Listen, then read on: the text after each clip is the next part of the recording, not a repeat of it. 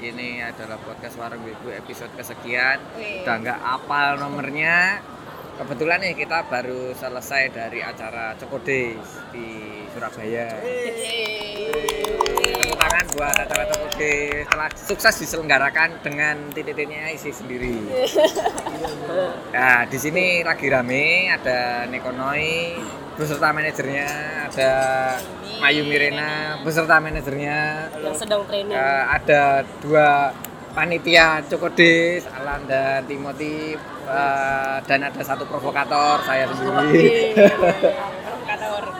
Ya kita mau karena ada dua orang ya, ada dua orang dari perwakilan Indonesia untuk Tokyo Game Show cosplay showcase ya. Eh cosplay showcase night. Cosplay collection. night. Cosplay collection night. Iya. Nah, eh, kita mau ngobrolin suka duganya soal itu nih. Yang eh, pertanyaan paling awal nih paling gampang adalah ngomongin enaknya. Mainstreamnya. Ya, enaknya dulu nih sebelum kita jatuhkan pada yang jelek-jelek ya gitu. Ngomong dulu deh. Bisa diceritain nggak sih enaknya jadi perwakilan Indonesia untuk TGS? Siapa dulu? Enaknya. Siapa dulu? Yang di Iya. yang di Eh, enaknya yang pertama pasti bisa jalan-jalan ke Jepang gratis gitu kan kapan lagi dan waktu itu juga aku baru pertama kalinya ngerasain pertama kalinya ke Jepang jadi seneng lah.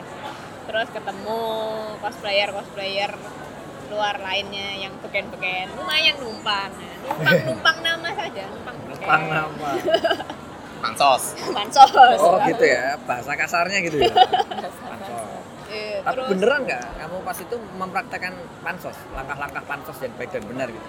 eh, aku sebenarnya cukup cuek-cuek awal-awal cukup cuek-cuek sih jadi nggak terlalu yang sampai ngebet pansos banget ya enggak sih cuman ya kalau dia ngefollow balik ya nggak apa-apa kalau dia nggak ngefollow balik ya Ya, di. DM. iya iya Oh. enggak yo enggak Enggak, enggak. Oke, Niko- bahasa. Nikonoy enggak nge-DM, yang DM manajernya. Oh, Oke. Oke, berarti su- sudah ada ini ya, sistemnya ya. eh yang penting sih membangun relasi friend gitu loh friend sih aku lebih suka menjadi friend daripada pansos kapan lagi ketemu Nah, kapan lagi ketemu gitu bisa kan. deket Mm. Terus bisa kal- kalap barang-barang wibu di sana. Terus yang kedua itu mendapat gelar TGS itu ya rasaku juga salah satu eksklusivitas untuk kita kita gitu ya istilahnya itu kalau dapat gelar TGS ya S1. kita ya S1 ya bisa aja CS S1 S2. Ya itu merupakan salah satu gerbang di mana kita diundang menjadi guest. Ya bisa bisa sih. Gitu. iya. Apalagi ya? Mungkin. Mungkin Mayu Ya, Mirena bisa menjelaskan nambah-nambah mungkin ya. Aku idem. itu Hidupnya apa? Soalnya semuanya udah dijabarin sama Nekonoy tadi kan bisa jalan-jalan. Terus bisa event juga di luar negeri. Kan bayangan kita akan event di luar negeri kan kayak yang cosplayernya keren-keren. Iya sih keren cuman Indonesia tuh nggak nggak kalah keren gitu loh. Eh, terus ya bisa kenal teman-teman baru juga. Udah diulang ya tadi ya itu. Bisa jalan-jalan bisa hilaf. Walaupun waktu ke sana aku nggak bisa hilaf soalnya hilafannya udah buat paspor sama kostum. Nggak sempet hilaf. Ya karena nggak kepikiran. Karena nggak kepikiran bakal lolos TGS jadi aku bahkan beli tiket untuk nonton K-pop gitu pas lagi hari yang harus aku berangkat itu kan. Nggak kepikiran sama sekali bakal lolos. Pas udah Big 40 oh ya ya udah syukur. Soalnya kan 4 tahun berturut-turut kan selalu Big 40 kan. Terus tahu-tahu Big 5 oh Big 5 syukur gitu. Tahu-tahu dihubungin sama panitia kelasnya kamu kepilih udah punya paspor belum? Belum ya udah siapin udah tinggal tiga minggu lagi. Ya udah bingung deh tuh. Akhirnya jual tiketnya. Oh, tiket konsernya dijual. Tiket konsernya dijual. Sebagai modal bikin. iya modalnya juga ya gitulah buat bikin paspor. Gitu. Terus ada cerita suka apa itu, enaknya apa? enaknya Jepang tuh bersih kan ya terus udaranya seger. Ya itu aja sih. Ya benefit benefit dari title mungkin. Benefit title ya ya seneng seneng aja oh iya Tokyo Game Show Indonesia representatif Mayumi Rena Weh gitu. Udah. cuman ya ini masuk kekurangan yang mungkin dari situ juga beban juga ke individunya juga karena kita bawa title itu Iya, kan iya. jadi uh, mau nggak mau kita harus jaga image image Tokyo Game Show representatif lah supaya bisa membawa cosplay Indonesia tuh ke ranah yang lebih baik lagi. Karena kita kan juga jadi contoh buat teman-teman cosplayer di Indonesia juga gitu. Kalau bisa jaga sikapnya dijaga uh, apa namanya supaya kita tidak terlihat yang begimana gimana gitu. Cosplay ya cosplay gitu. Ya gitu ya di sisi lain juga ada beban lah ada bebannya.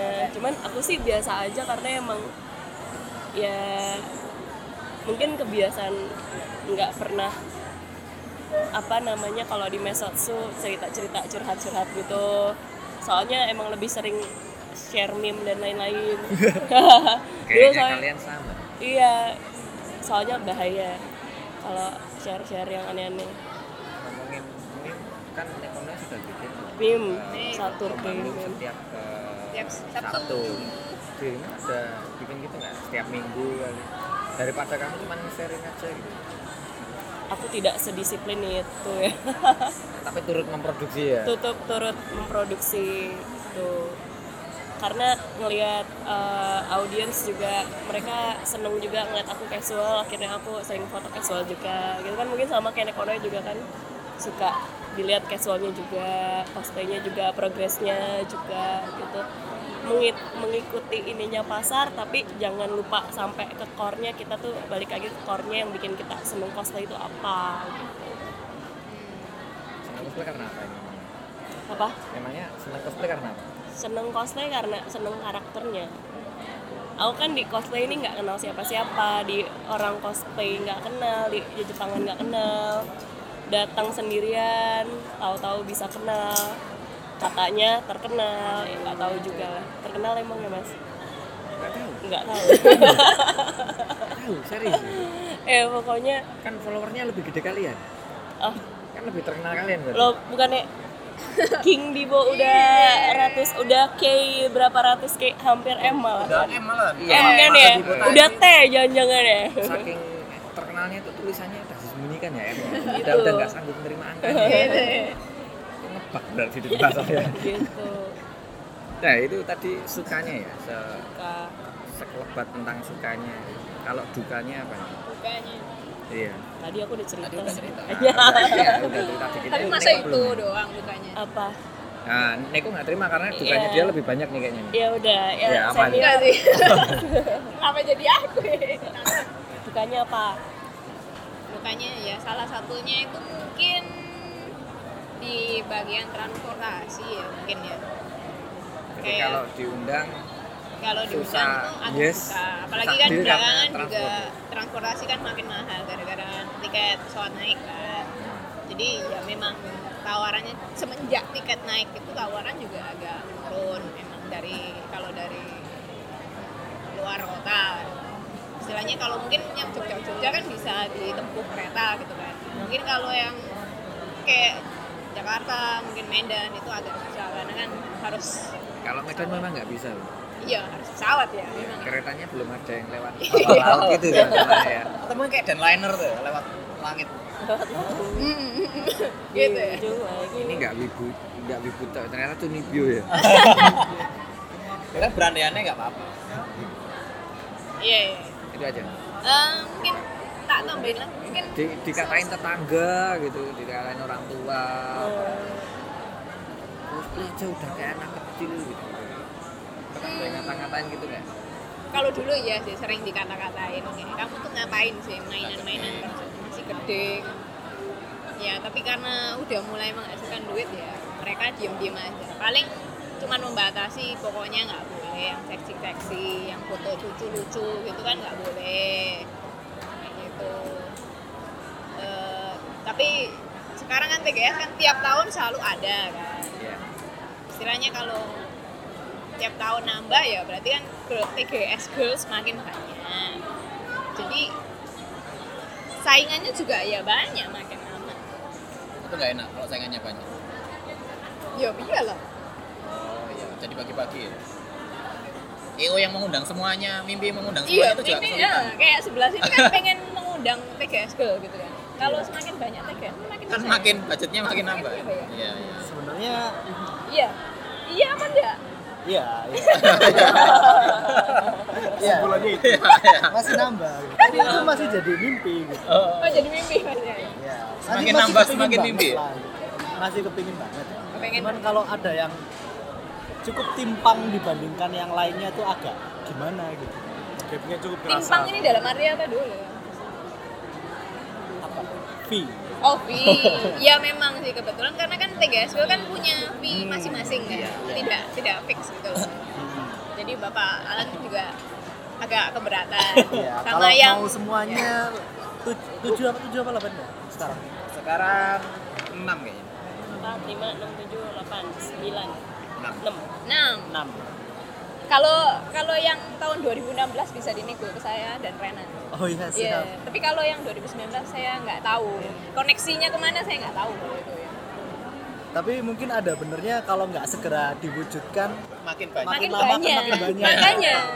Mungkin si Bidawi Suki tahun ini mau ngundang Oh, TGS. jangan sih beda Suki. Apa apa? Daisuki Japa. Oh iya dari Suki Japan. Daripada ngundang ngundang. Anisong satu orang, ya mending TGS Girls 6 orang. Eh, ngundang TGS guys Dapat. Iya. BKG. Japan, iya. Manajer trainingnya juga anu Bisa nyanyi. Iya. Hmm, Paket, nanti aku bikin paket mas Nanti mungkin bisa sekalian collab gitu ya. Undang Iya. 2017, Kan akomodasi ke Malang gratis. aja, Kamu nyanyinya Manajernya saja tapi yang gratis. Nah, Iya, iya. terus terus dari apa? Namanya Daisuke Japan Iya. ya. Daisuke Japan kan mumpung TGS Girl datang bikin perform idola-idolan. Wah, rame kayak Aniso. Ini podcast atau prospeksi sebenarnya? Kita menawarkan ide-ide yang Kita ada. proskes. sekalian sekali. Bukan podcast ini. Ini saya curiga tadi udah direncanakan jadi pitching sebenarnya. Konspirasi. kamu masih beruntung ini nggak like Oh iya iya. kamu kamu harus jawab sekarang ya. Oh, mulai ngelap Black keringat. Black Terus Kampinai. tiba-tiba langsung udah disiapin MOU gitu ya. Ini terstruktur surprise sistematis dan masif. Aduh aduh ya gitu apa ya mungkin kita kan nggak tahu kan nanti TGS Girl ini yang milih kan orang Jepang ya nanti siapa yang kepilih siapa yang kepilih juga nggak tahu terus TGS Girl kan juga beragam dari ada yang rakur ada yang non ada yang apa gitu kan Non apa ini? non non, Non, non itu bahasnya Non. Sarah ini. non nah Oh nona. Semua nona pak. ada ada yang manis Oh iya ada yang miss ya. Iya iya. Ya jika ada pertanyaan, emang kalian bangga dengan gelar lulusan nah ada begitu juga Itu pertanyaan. itu pertanyaan kamu mau nanya sendiri Oh gitu. Tanya ke dua orang, Kalau bangga nggak? Kalau dari segiku ya aku bangga bangga aja karena kan istilahnya kan orang Jepang yang milih. Berarti tes orang Jepang suka tes apa? Mukaku dong gitu kan. Berarti yang dinilai, bukan cosplay. oh cosplay. Cosplaymu, Pak. Ya cosplayku gitu. Berarti orang Jepang suka dengan style cosplay kita gitu kan.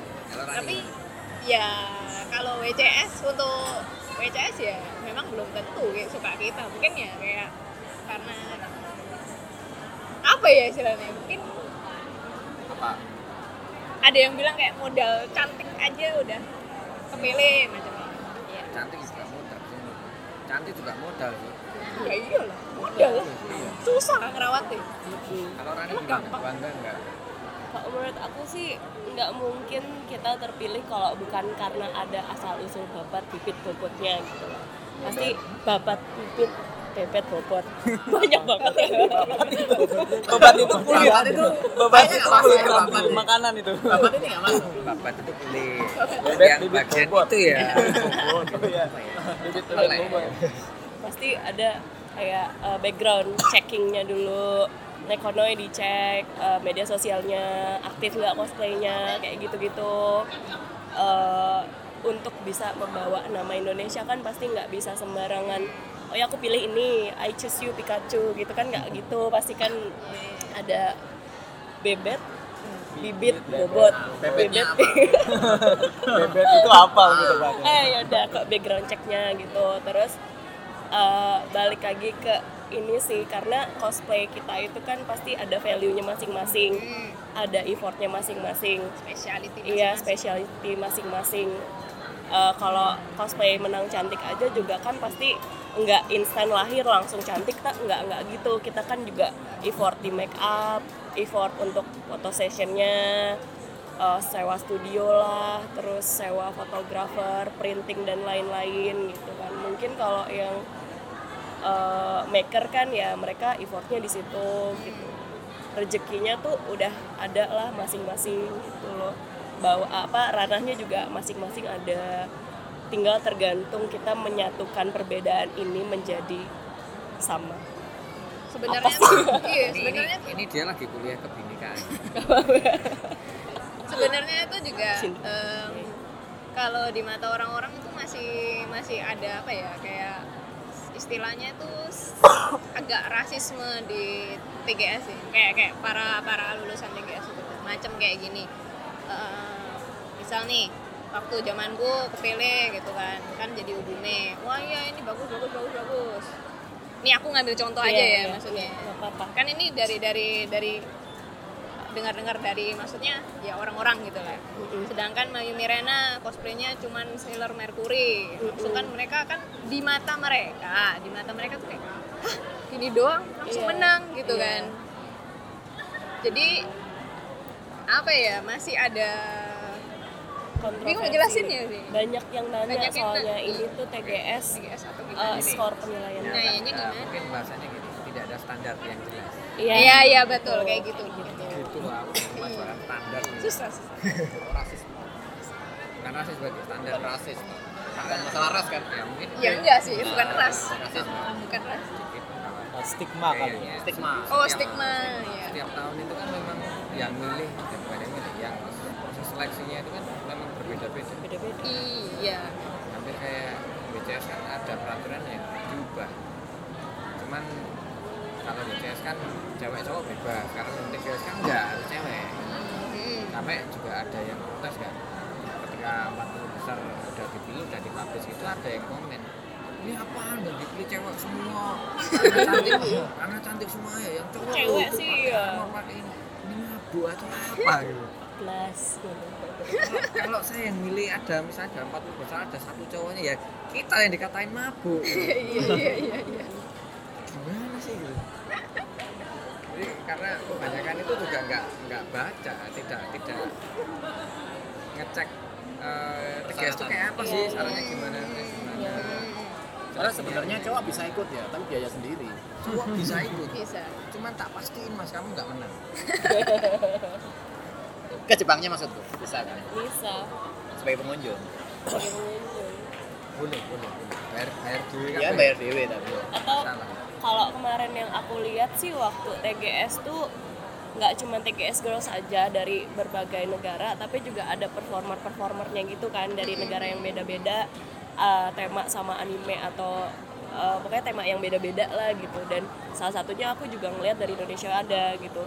Karena mungkin mereka tuh daftar dari pure Cure ya Sama- dari Cure situ entah disponsorin atau eh, biaya sendiri itu masih kurang tahu yang mungkin teman-teman bisa coba cari tahu.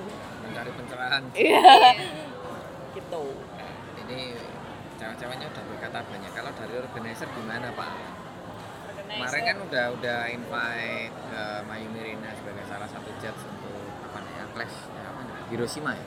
Namanya nama kompetisinya apa secara resmi? Hiroshima Pop Culture. nah. Kenapa milih Mayu Mirina kenapa saya dipilih? Kenapa Mayu Mirina menurutmu pak pada saat itu di invite dan it's okay gitu menurutmu standarnya sebagai judge?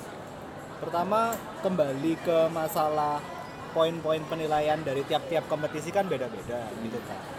Nah eh, untuk cosplay Hiroshima ini sendiri pun kita pelajarin dulu kira-kira eh, poin apa yang seharusnya dinilai dan kita butuh judge yang seperti gimana gitu kan. Eh, itu juga kita nggak bisa langsung milih sendiri gitu tapi harus di diskusikan dulu ke atas gitu. Kalau misalkan yang di atas sudah di atas ini bukan yang maha esa ya maksudnya.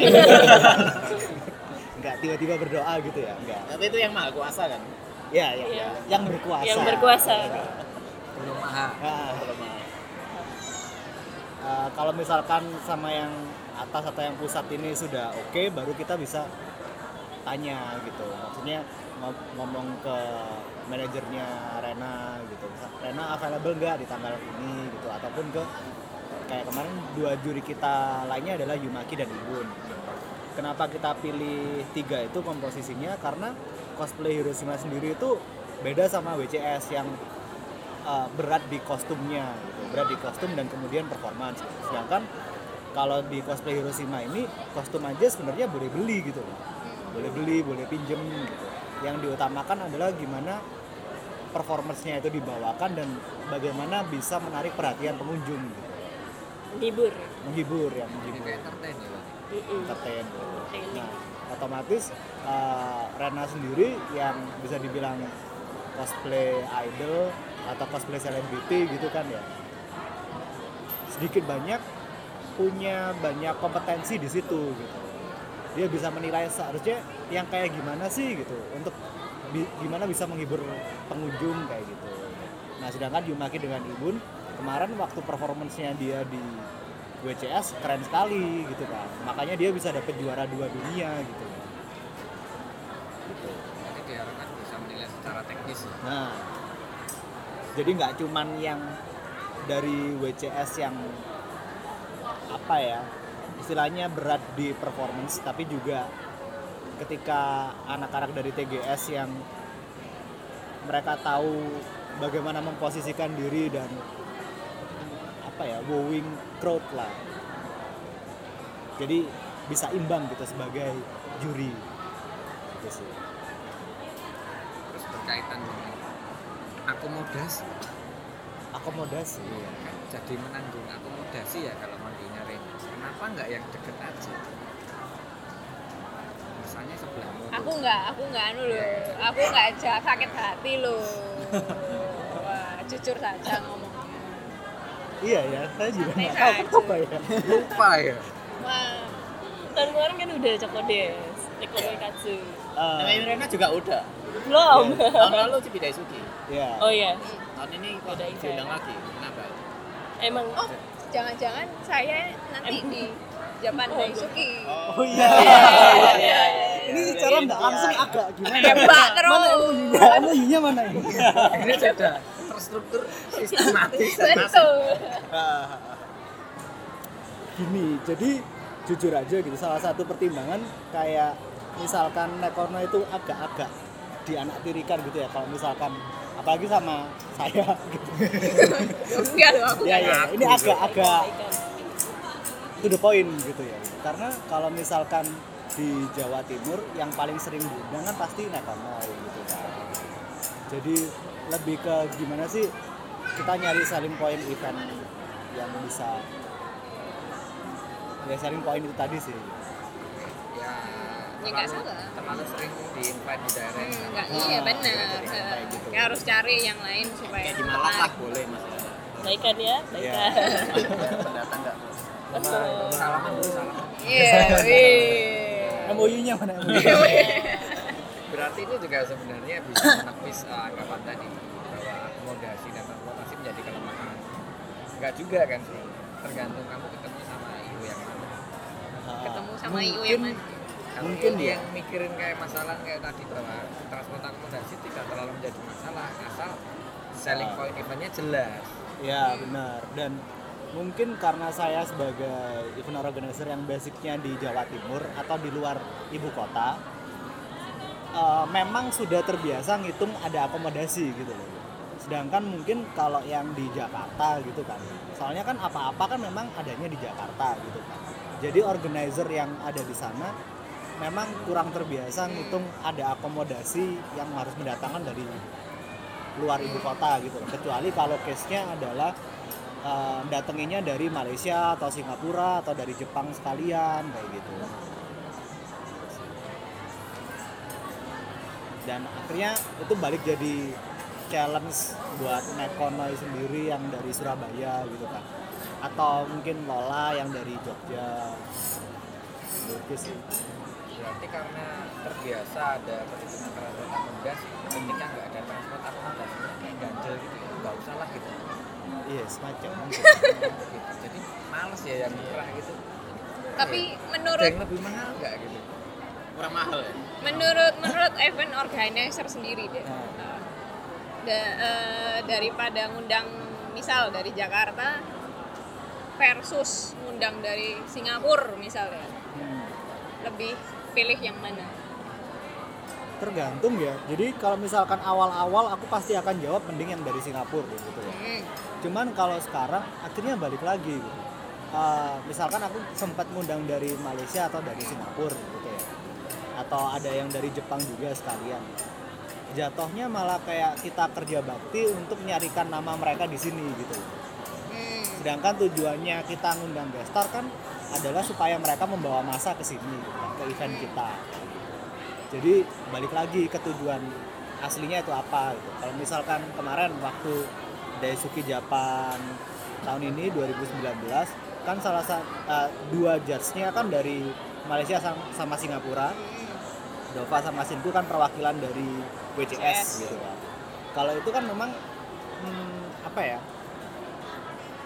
satu mereka jelas punya prestasi sebagai perwakilan dari Malaysia.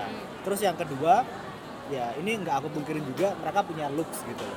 Jadi untuk ngangkat mereka di sini dan membuat itu menjadi selling point pada calon pengunjung itu bisa banget gitu loh. Tapi kalau misalkan nggak ada angin, nggak ada hujan gitu, terus kita sekedar cari gestar dari luar yang cuman biar ngangkat apa ya, cuman jadi prestisnya event gitu. Ya misalnya kayak siapain Nah. aku tiba-tiba gitu kan. Misal ini Bukan, bisa. bukan, bukan. bukan. Kurang random, kurang random, Kurang random gitu. Kamu cari random tapi yang negaranya luar gitu Ha, misalkan tiba-tiba dari Thailand gitu ya Siapa gitu. siapa gitu dia nggak punya prestasi apa cuman cuman dia dalam tanda Thailand. kutip dia dari Thailand dan dia Hmm. cantik aja gitu kan itu kan sebenarnya kalau buat aku yang sekarang itu terlalu random sekali lagi Terus terus. Ini kenapa aku jadi tanya soal IO ini? Ya, Nggak apa-apa. dari IO sekalian soalnya ya. Gini gini gini. ya. Menurut IO em, angka itu penting atau enggak? angka apa nih fee atau angka Angka follower follower sosial media sosial media. sosial media penting nggak penting ya penting apa enggak Pentingnya apa? Penting.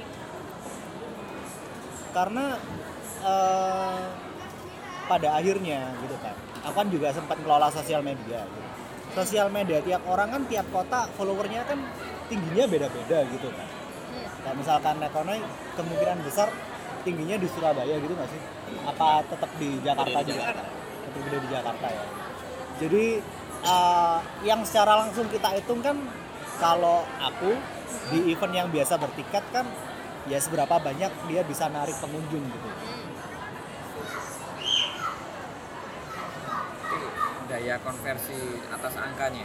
Ya konversinya. Itu kata yang dari tadi coba aku cari apa sih itu namanya gitu. Soalnya banyak juga yang cosplayer yang followernya di atas ratusan ribu gitu ya. Atau cuman sekedar cewek cantik yang dalam tanda kutip atau agak agak weak play gitu kan ada kan? influencer. Nah influencer lebih tepatnya. Yang weak play gitu terus followernya 100 200 ribu ketika dikonversikan ke event ya nggak akan mendatangkan masa juga gitu jadi daripada angka follower sebenarnya lebih ke engagement sama followernya dia tuh kayak gimana sih gitu.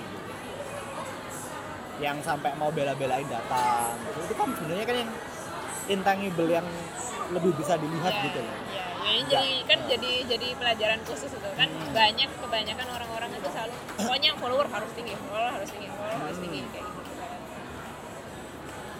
kan. Kalau Mbak Yunirin pernah kena filter gitu jadi yang pertama langsung ditanya followersnya berapa minyak berapa Iya. Cuman balik lagi eh, begitu mereka tanya followers atau misalkan mempermasalahkan followers, aku balik lagi eh, bilang untuk followers aku yang segini aku bisa dapetin engagement lebih dari 10 persennya gitu kayak eh, apa sih hubungan aku dengan followersku dengan apa namanya circle mereka tuh dekat. Jadi kalau misalkan aku datang ke suatu event mereka rame-rame datang juga kayak gitu. Untuk ngeramein bootku atau ngeramein acaranya kayak gitu.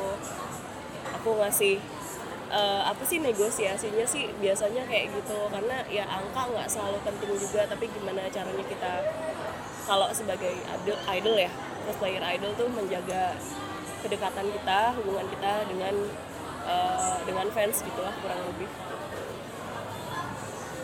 Itu salah satu perbedaan antara cosplayer idol dan mungkin cosplayer apa ya apa ya gimana ya menginiannya?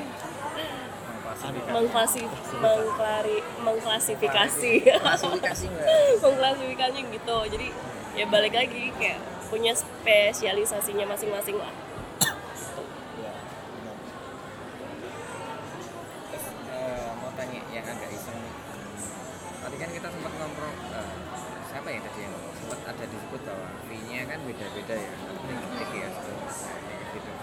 Menurutmu Mas eh, Mas Alan nih sebagai organizer khususnya di Malang sama Surabaya ya.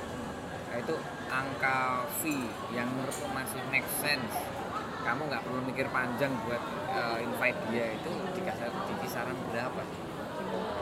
angka Ya, langsung aja. Mbak. kalau misalkan uh, Eh, tapi jangan dijawab tergantung eventnya gitu ya. bukan tergantung eventnya sih ya tapi Tergantung keuangan event. tergantung target Eh, kayaknya kalau misalkan pengelompokannya berdasarkan kota itu agak kurang fair sih. Jadi karena kan di kota yang sama cosplayer A dan B bisa jadi populer- popularitasnya itu beda gitu. Jadi kembali ke cosplayer. Balik ke individu sih. Kalau misalkan yang gimana ya? Aku soalnya kalau mau nyontoin kan kadang nyebut nama gitu kan. Sebut aja. Sebut aja A gitu loh. Nah, kotanya aja, sebut kotanya aja. sebutlah uh, gini. Misalkan ada cosplayer cewek A gitu ya. Kotanya. dia kota Jawa Timur lah ya, Jawa Timur sekitaran Jawa Timur terus misalkan dia tidak pernah memenangkan lomba apa pun tidak pernah memenangkan lomba apa pun follower uh, di angka belasan ribu. Oke. Follower di angka belasan ribu. Terus pokoknya nggak ada yang kompetisi apa pun yang dia menangkan gitu. Ah, terus dia juga engagementnya kurang bagus. Terus yang agak utama lagi sih mungkin attitude ya. Gitu attitude. Jadi misalkan di di situ kayak ada sentimental semacam gini siapa lo gue harus angkat gitu. Karena kayak misalkan dia attitude-nya jelek kan sebenarnya kan nggak cukup membawa masa ke event gitu kan sebenarnya. Jadi kayak di situ ada sentimennya. Kecuali uh, memang dia sering menang kompetisi terus kemudian follower dan engagementnya bagus otomatis itu yang memang uh, jujur aja jadi tolak ukur utama kalau aku pribadi gitu. Nah kalau begitu tadi itu misalkan yang terakhir tadi attitude-nya nggak bagus gitu. Contoh tuh gimana Itu tuh nggak bagus tuh ke followernya apa ke gini em, bagaimanapun juga Gestar kan punya brand image mereka masing-masing ya. Nah kalau misalkan mereka brand image-nya suka ngedrama gitu kan terus eh, kurang bisa bekerja sama dengan baik sama event gitu. Ya gratisan pun aku nggak mau gitu loh Semurah apa pun kayaknya males. Males. Karena efeknya jadi negatif ke Ah. eventnya.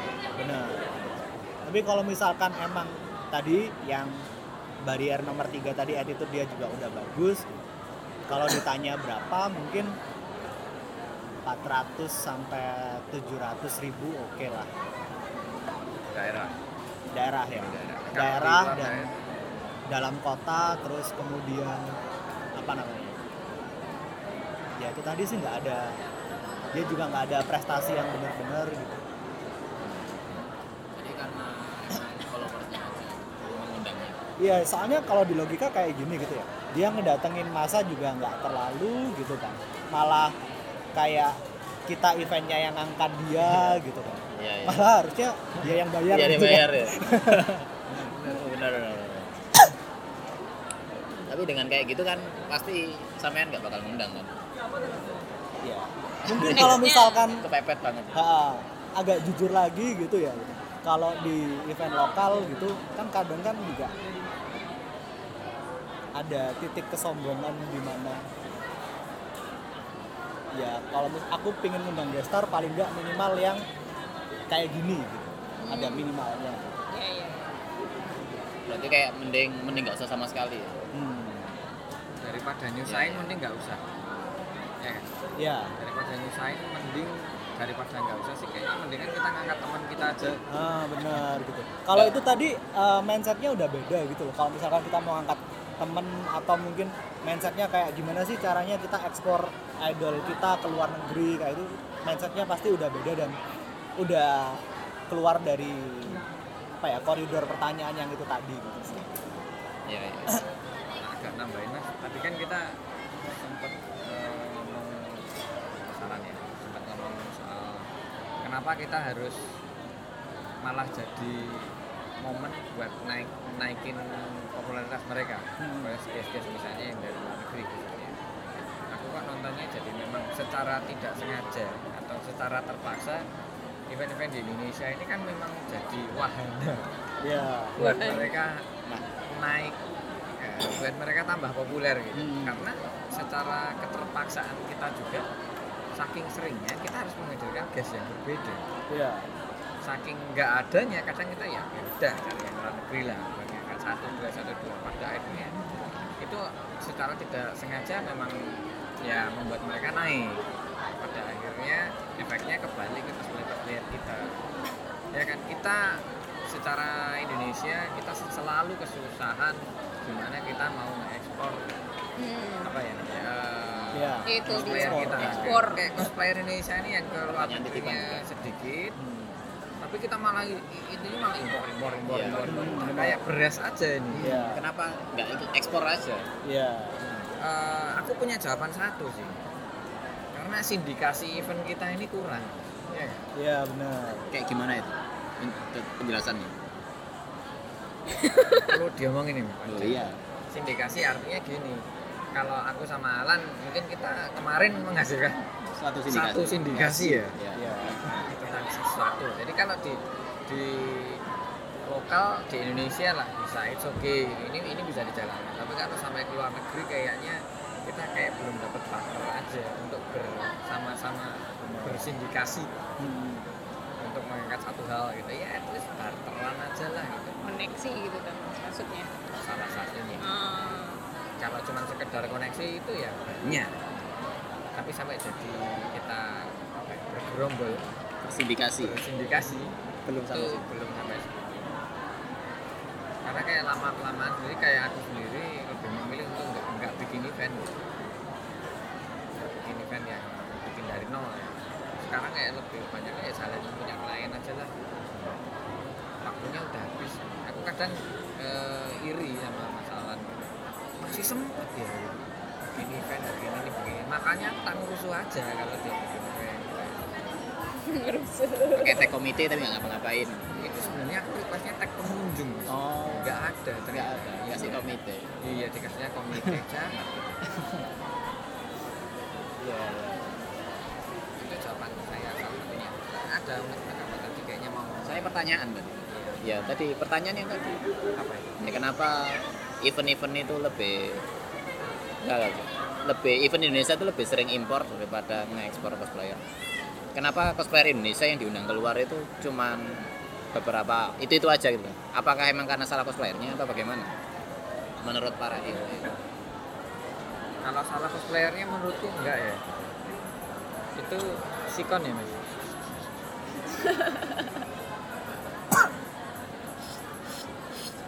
itu kayaknya sikon aja sih Eh, karena kan aku yang belum dapat data mungkin dirimu bisa sharing mas dirimu kan sering ke Malaysia kan Iya, sering ke Iya Singapura, kan, sering ke sering Jepang. ke- Lu ke mana-mana ah, jalan-jalan terus. Iya, anak buahnya aja kan. iya. Kalau saya lihat loh ya. atau penglihatan kita yang salah nih mas ya, eh, dirimu kan udah sampai ke sana itu itu data event di sana gimana sih? Apakah mereka ngadain event sesering Indonesia? Pertanyaanku itu dulu. Karena kalau memang secara kuantitas mereka mengadakannya tidak sesering Indonesia ya ya wis memang situasi kondisi kita yang memaksa karena udah terlalu banyak gitu. Jawabannya adalah enggak. Event di sana itu enggak sangat sering. Bahkan untuk skala tertentu, event skala mikro itu enggak ada di sana. Jadi eh, gimana ya? Bahkan mungkin kalau aku harus ngomong soal performer pun Indonesia itu jauh lebih bagus daripada dua negara tetangga kita lah yang paling deket lah. Malaysia sama Singapura gitu. Secara Timur Leste lebih dekat. oh iya. Brunei juga sih. Oke. Ya. Tiga ya. Ya, ya.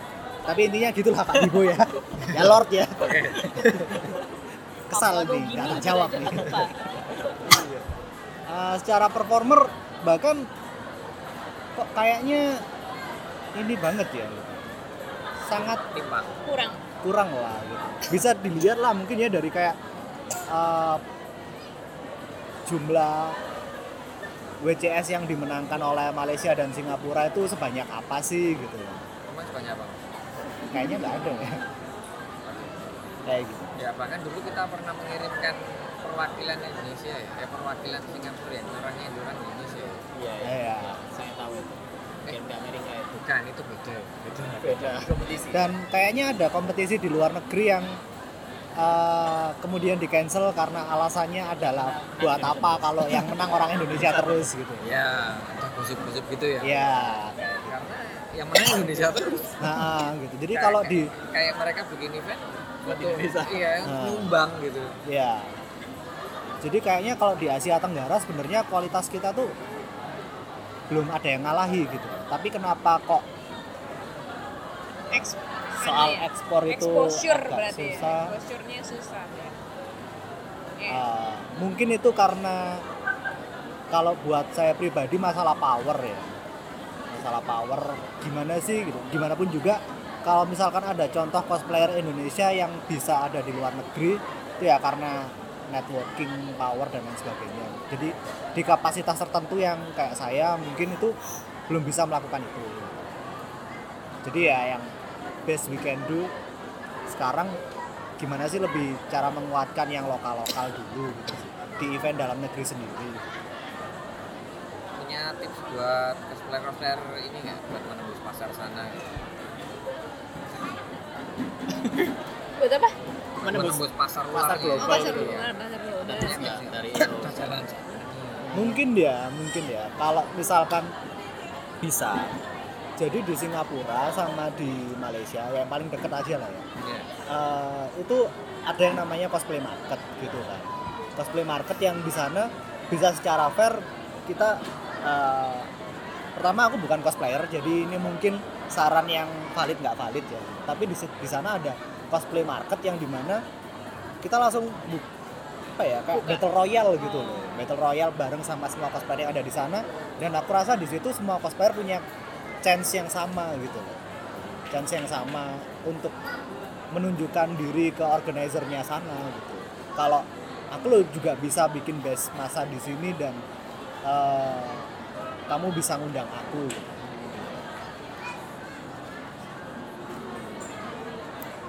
Yuk. Mainin nggak yang kayak gitu. Menurutku mungkin sedikit lebih teknis. Jadi sebaiknya kita buka booth aja di sana gitu.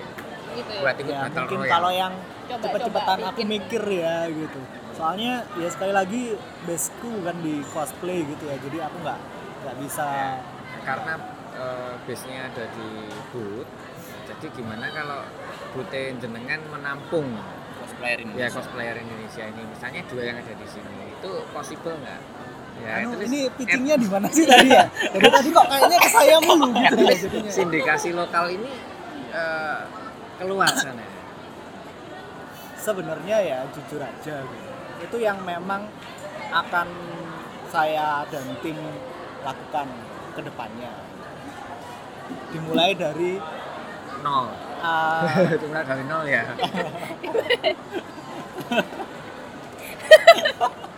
uh, kayak misalkan membuat cosplay market sendiri di sini ataupun juga bagaimana membuat event-event yang atau gimana minim sih event saya kan agak sering gitu ya. Jadi ngangkat yang lokal-lokal nih gimana gitu. kita bisa mungkin kayaknya jarang gitu loh ada kolaborasi antara event dan cosplayer di luar hubungan gestar dan panitia gitu. Kayak yang di yang mungkin kita bikin ini dalam arti apa ya coba? Misal. mungkin bikin vlog bareng kayak gitu ataupun mungkin bikin podcast baru podcast kayak gini gitu kan. Ya Lord ya. Oke. kayak gitu. Banyak lah gitu. Gimana sih juga kalau misalkan cosplayer Indonesia gitu ada yang dikasih kesempatan buat keluar gitu. Istilahnya kita memfasilitasin ke arah situ Ya Nah, mungkin outcome-nya. hasilnya kayak gini loh, possible nggak sih kayak kita menawarkan diri gitu, nggak usah dibayar fee lah untuk menghias kita, cuman cuman sekedar exposure aja untuk ke sana gitu. nah bener banget Apakah ada chance gitu untuk ke sana? Adalah. menurutku ada banget sih dengan kalau misalkan kita mikir ke belakang gitu ya di Indonesia pun ada gitu loh yang menggunakan cara-cara seperti itu gitu. contoh gitu ngasihkan proposal "Eh, aku mau jadi gestar di eventmu gitu. Nggak usah dibayar nggak usah A B C D E gitu. Aku akan cari sponsorku sendiri gitu. Terus kemudian yang nyeponsor ini adalah networkingnya dia gitu kan. Terus waktu di hari H yang nyeponsor ini tapi feedback dari eventnya adalah dapat booth buat uh, mempromosikan produknya dia gitu kan. Jadi apa ya mungkin simbiosis simbiosis mutualisme atau ekosistem seperti ini yang mungkin lebih bisa kita gali lagi ke depannya gitu. Terus ya kayaknya mungkin kita harus membiasakan diri lebih dewasa ya. Maksudku lebih dewasa itu omongan kayak gini kan orang kan kadang sungkan gitu kan padahal apa susahnya ngomong apa susahnya kayak misalkan ya kalau nggak ketemu tiktokannya ya udah gitu kan ya besok tetap temenan kayak biasa gitu. Mungkin kita lebih ah, belum belum ngerti caranya approach kayak langsung ke pihak event gitu loh. Kayak mungkin mempromosikan diri kayak aku mau jadi belum ngerti gitu. buat Iya. bargainingnya Ah, gini tuh mungkin kan. belum ngerti. benar benar Ya, tanya aja. Gitu ya. ya tanya aja ya mungkin Se, ya. se stupid itu. Sebodoh itu sih menurut dia. Aja. Malu bertanya sesat di jalan gitu. ya. Hmm, karena menurutku organizer sendiri di, di level mana pun ya itu kayak mereka belum belajar telepati. Jadi tetap ngomong aja gitu jangan jangan batin terus berharap mereka mengerti. Itu aja. Ngomong eh, nggak bisa ngomong ya kirim proposal. Iya. nggak bisa bikin proposal ya belajar Google banyak. Ya ini berarti tugas siapa? Manajer. Jangan mainan HP doang. gimana Mana HP ngeliat apa gitu? Oh, udah mainan HP ngeliatnya cosplayer yang lain ya. Nanti alasannya Referensi. alasannya aku tahu ya, nyari referensi riset gitu. klasik Kerja, mau kerja. siapa Kayak ya, tadi ngomongin gimana WCS eh, kayak, kayak sampai kayak gitu. Tapi kalau WCS sih TGS ya Allah. Iya apakah dengan menjadi representatif untuk TGS mempengaruhi kehidupan personal kalian?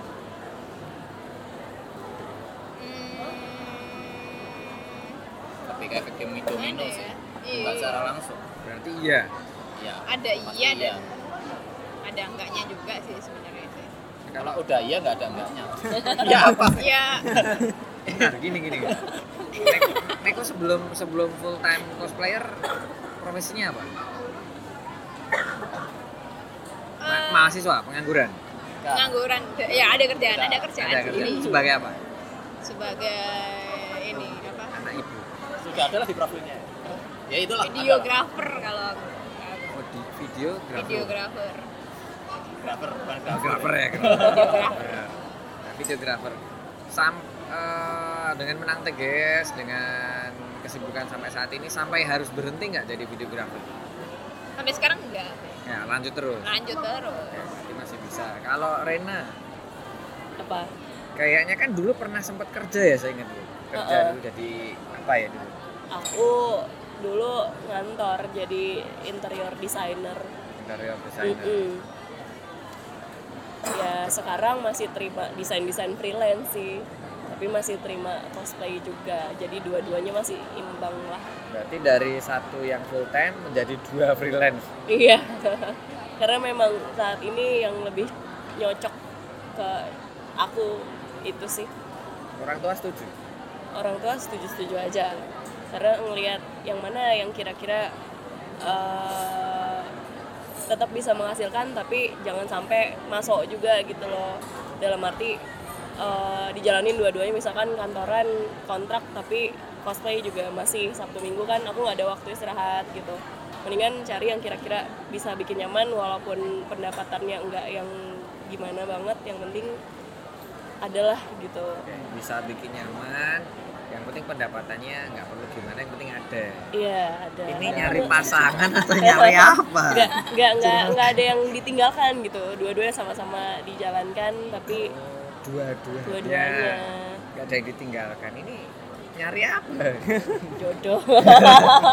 Nyari jodoh dua. Iya. Nggak ada yang ditinggalin loh. Uh-uh. Cari yang nyaman. Cari yang nyaman. Penghasilan nggak perlu gimana gimana kan? Tadi Iya, penting nyaman. penting nyaman. Ada hidupnya bocoran enak di sini gitu ternyata. ya. cukup lah hidupnya cukup gitu. Cukup. Jadi pas eh, pas butuh mobil 5 alhamdulillah cukup mobilnya Iya, gitu pas butuh alhamdulillah. rumah 3 alhamdulillah, Iya, alhamdulillah. cukup Iya. Alhamdulillah di Bener, dompet kan? ada 3 m gitu kan. Ya cukup lah. Do- dompetnya masih cukup menampung gitu ya. gitu.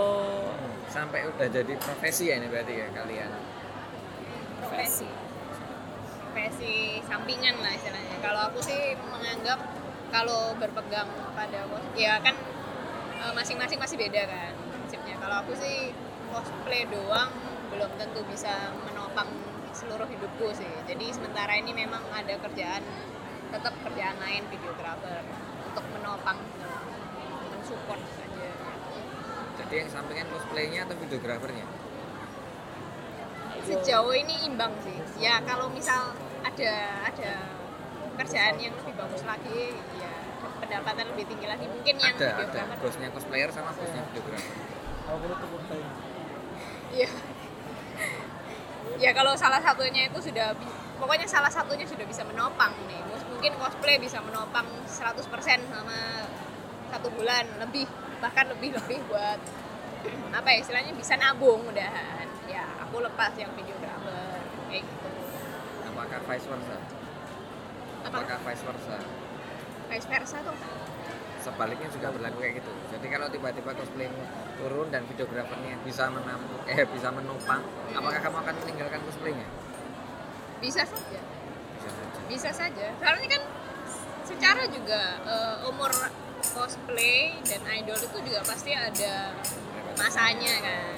Kadang ini naik. berarti termasuk salah satu ancaman manajer cosplayer ya Iya, tahu. iya. jadi hati-hati aja. Kalau sampai cosplayer sebagai, sebagai cosplayer tuh tidak bisa menopang. Mm-mm. out juga. Gitu. iya makanya kasihan. kerja jangan cuma main HP gitu ya. manajer video. Semangat ya pak. Ganti apa? Manajer videografer sama sih. Boleh boleh. Nah hater hater ngomongin masalah. Pitching apa lagi nih? Apa lagi? udah curiga dia. MOU-nya udah disiapin loh. untung aku nggak bawa printer mas. Tak bawa langsung tak bikinnya mau iya di sini nah ini mereka kayak kayak mereka ini kan sudah menjadi profesi kan. Sudah mungkin nggak hanya mereka ada banyak yang cosplaynya itu sebagai profesi. Apakah dirimu sudah secara sadar eh, nge-hire orang? Itu bukan as eh, hobinya tapi as eh, profesinya ketika nggak berhubungan sama cosplayer cosplayer gini Maksudnya gimana? Eh, gini biasanya kan ada nih eh, dianggap bahwa eh, misalnya urusan fee. Lah kamu kan ini kan cosplay cuma untuk hobi cosplay untuk komunitas aja gitu ya. Jadi kayak eventnya sendiri diturunkan ke grade komunitas supaya mereka yang yang gas yang dibutuhkan itu memang nyari yang a hobi aja gitu. Kan ada kan? Oh, baru Jadi, tahu ini sih tapi biar bisa nawar lebih rendah lagi dari gitu. Hmm, Padahal kalau di, dilihat-lihat sebenarnya fee-nya seberapa sih mas gitu. gitu. Ha, ha. Kalau dilihat mereka nih sekarang sudah sudah hampir meninggalkan pekerjaan terdahulunya untuk menjadi cosplayer gitu Hmm. kamu punya ini nggak sih punya pertimbangan sampai ke situ nggak atau memang ya udah semampuku aja bayarnya gitu mungkin aku malah baru denger ada yang sampean sampaikan tadi itu sih. Itu mungkin nanti bisa ada sesi gibah sendiri ya. Sisi giba bagaimana menurunkan fee and Nah. guest star gitu ya? Karena Trik- aku trik gitu. eh, kalau aku pribadi nggak pernah menawar harga gestar berdasarkan eh, apa ya namanya ya skala event. Skala event. Tapi lebih tepatnya emang eh, eventnya itu konsepnya sekecil ini gitu ya. Budgetingnya itu cuman segini. Ya kita cari gestar di range yang menyesuaikan di range itu gitu. Kalau nggak bisa kalau aku pribadi ya gimana caranya aku nggak main gestar malahan gitu. mainnya konsep. Hmm, mainnya konsep entah bikin games A games B kerja sama komunitas A B C D gitu. Ya itu tadi sih. Karena kalau aku pribadi lebih yang gimana caranya ada sisi tidak mau kalah dengan gestar di mana eventku akan rame karena eventku itu sendi- itu sendiri jadi bukan karena gestarnya berarti IO itu juga harus punya istilahnya itu apa ya punya mata-mata oh Mata-mata. cosplayer ini tuh nggak benar cosplayer ini benar gitu nggak sih kadang-kadang scouting gitu. scouting iya gitu ya gitu sih Wah. lebih tepatnya sih itu sempat kita bahas di Konco Fest ya mas ya. Yang mana ya? Kalau gitu pura-pura lupa ya? Yang suka ngeband orang padahal siapa ya? Oh iya. Oh iya. Saya lupa Mas. saya ya. Gitu sih. Jadi um,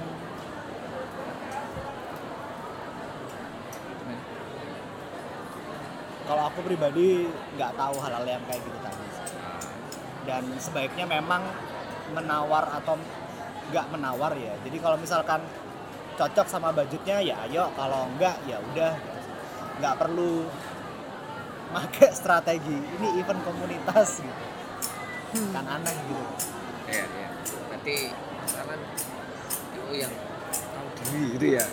ah, ah. Pakai metode itu aja ya kayak Iya. kita lagi tahu eventnya kecil ngapain cari gestar yang gede-gede gitu kan eventnya kecil nyarinya guestnya Aukarin Tukar exposure bentar. Bebek. Enggak enggak ada Aukarin, kita cari cosplayer Aukarin. Cari kudanya aja. ada Sudah bisa kan di kelas sudah pernah ada. Iya. Aunekonoi bisa. Aunekonoi. Kan nggak ada Aukarin, Auneko. Auketlin bisa. Oh, ai Auket curi. udah aku ganti nama jadi Nekopoi ya Koi katsu. Doker. Docker. Neko Noi Ramen. Karena mulai ke gaming dot cici kan. cici Itu rokok, Pak. Iya. Nanti dot jadi rokok. Jadi band juga ya. Siapa yang di band? Kacau ya. ngomong hater nih Ya.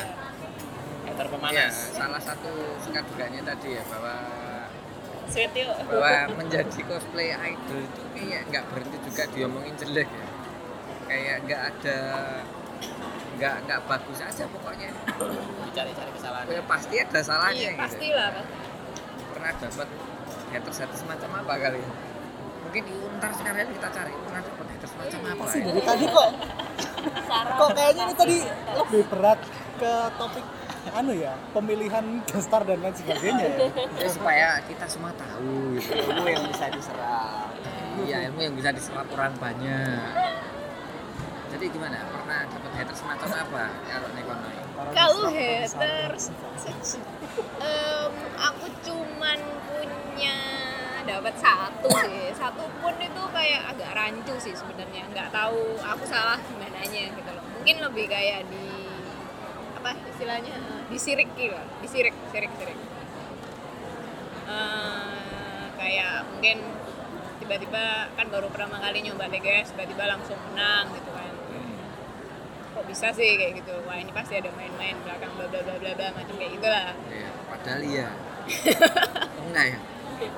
enggak Ya, pak. Ya, saya ya. tuh polos kayak bingung. Loh, menurutku ya ya memang main di belakang di backstage kan kamu mainan make up. Oh, iya, iya. kalau nggak main di belakang ya saya justru curiga Kesel, kok kan? bisa menang gitu? KZL. aja enggak gitu? KZL KZL tapi sejauh itu juga belum pernah dapet berita-berita haters lagi sih. Aku padahal aku mengharapkan berita-berita haters yang beredar gitu loh. Karena cukup cukup menantang aja sih dan juga bisa mungkin dari dari dari haters haters itu bisa dilihat gitu loh. Mereka nggak suka bagian apa yang mungkin mungkin mereka bilang kayak ih itu bajunya kurang bagus atau gimana. Kan bisa improve lagi kayak gitu sih. Tapi penasaran aja gitu loh. Kok nggak pernah denger? Bukan nggak pernah denger ya lebih tepatnya nggak ada mata-mata yang belum ada yang masuk kuping. Iya belum ada yang masuk kuping gitu loh oke dengan ini untuk se- segenap pendengar yang merupakan haters nah Mekonoy diharapkan untuk segera DM di IG atau PM di Facebook ya supaya mereka mendengar. Atau mungkin perlu dibuatin Google Form biar anonimus. Iya iya iya. Google anonimus. Boleh mas? boleh. Boleh. Atau aks FM aja Oh, iya, iya. susah ya kan? Iya iya iya iya post nanti swipe up bagian head gue bisa isi ini loh gitu. Iya iya iya. Nanti kita ngisi juga masalah. Balik lagi ke masalah. Nah Rena dulu eh mau kabur aja. Iya. Rena dulu. Pulang. Apa? Tadi pertanyaan apa ya? Haters. Kalau langsung ke kupingku sih belum ada. Maksudnya yang ketahuan oh ini orangnya gitu. Paling aku cuma nebak-nebak aja karena ciri-cirinya mirip atau misalkan dikasih tahu langsung sama orang gitu. Cuman eh, apa namanya secara bukti-bukti konkretnya asik tidak ada gitu. Ya ya gimana ya mau sebaik apa pun kita berusaha bertindak pasti ad- akan akan, akan ada aja yang nggak suka mau sebaik apa pun mau se maksimal apa pun usaha kita untuk bisa nyenengin orang lain pasti akan ada yang ngelihat dari sisi buruknya. Entah ya macam-macam lah. Orang-orang tuh jago jago apa ya ibaratnya? alasan. nyari alasan terus eh, bikin cerita juga. Jadi misalkan eh, si Rena bisa lolos TGS gara-gara ini gara-gara A B C. Dengernya ya kayak tadi misalkan main di belakang lah apalah kayak gitu. Selain Tap- main, main selain main di belakang apa sih kok kok kayaknya tuh nggak kreatif loh. Punya orang dalam lah. Iya macem-macem lah kok. Soalnya kan hater sendiri sebenarnya bukan orang yang mencari kesalahan atau membenci, tapi bisa juga orang yang iri. gitu. Bisa jadi. Cuman kan mereka nggak mau nunjukin kalau mereka tuh iri. Jadi tuh mereka tuh nyari celah-celah yang kelihatannya cocok sama diri kita biar untuk bisa menyerang kita asik.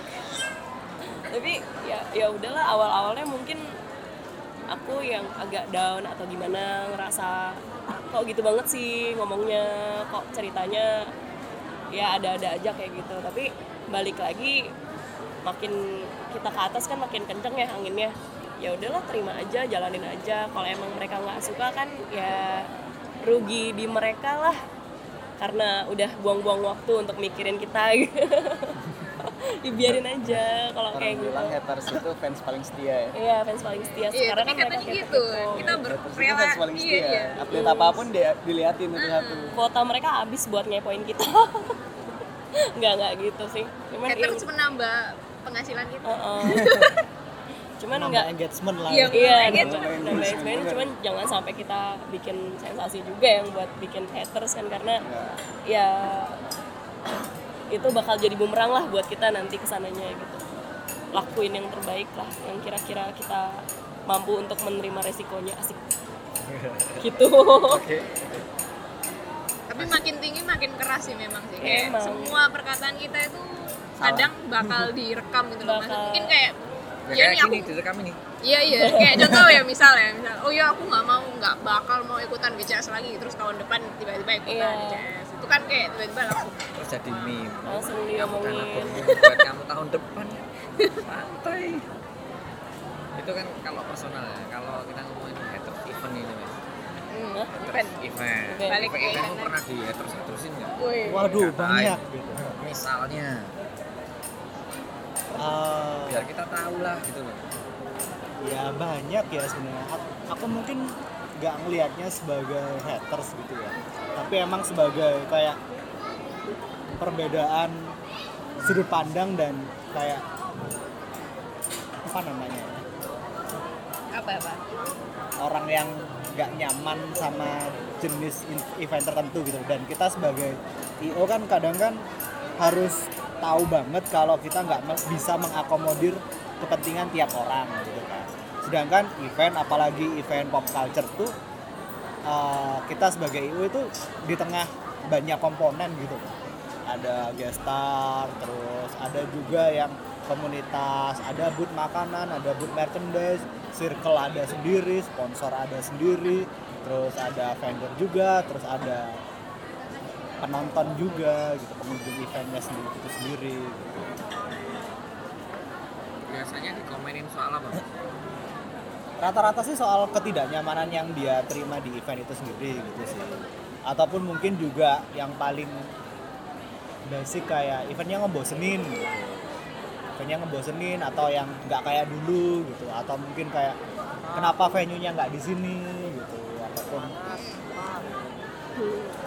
Panas, kok nggak ngundang Larkensil gitu bau keringet gitu ya. bau keringet gitu kenapa foto buka-bukaan di depan masjid gitu Iya.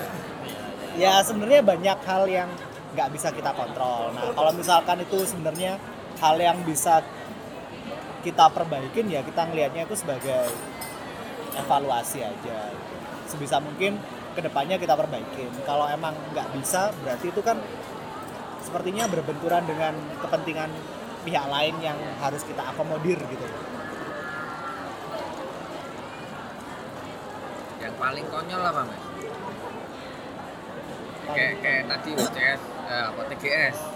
Kok nggak ada yang cowoknya yang lolos 40 besar? Ya, misalnya paling konyol gitu. Kan pernah diprotes apa? Lagi lupa sih. Soalnya mungkin uh, ya lewat-lewat aja gitu sih. Dicuekin. Cukup cuek sih. Berarti rati gagas.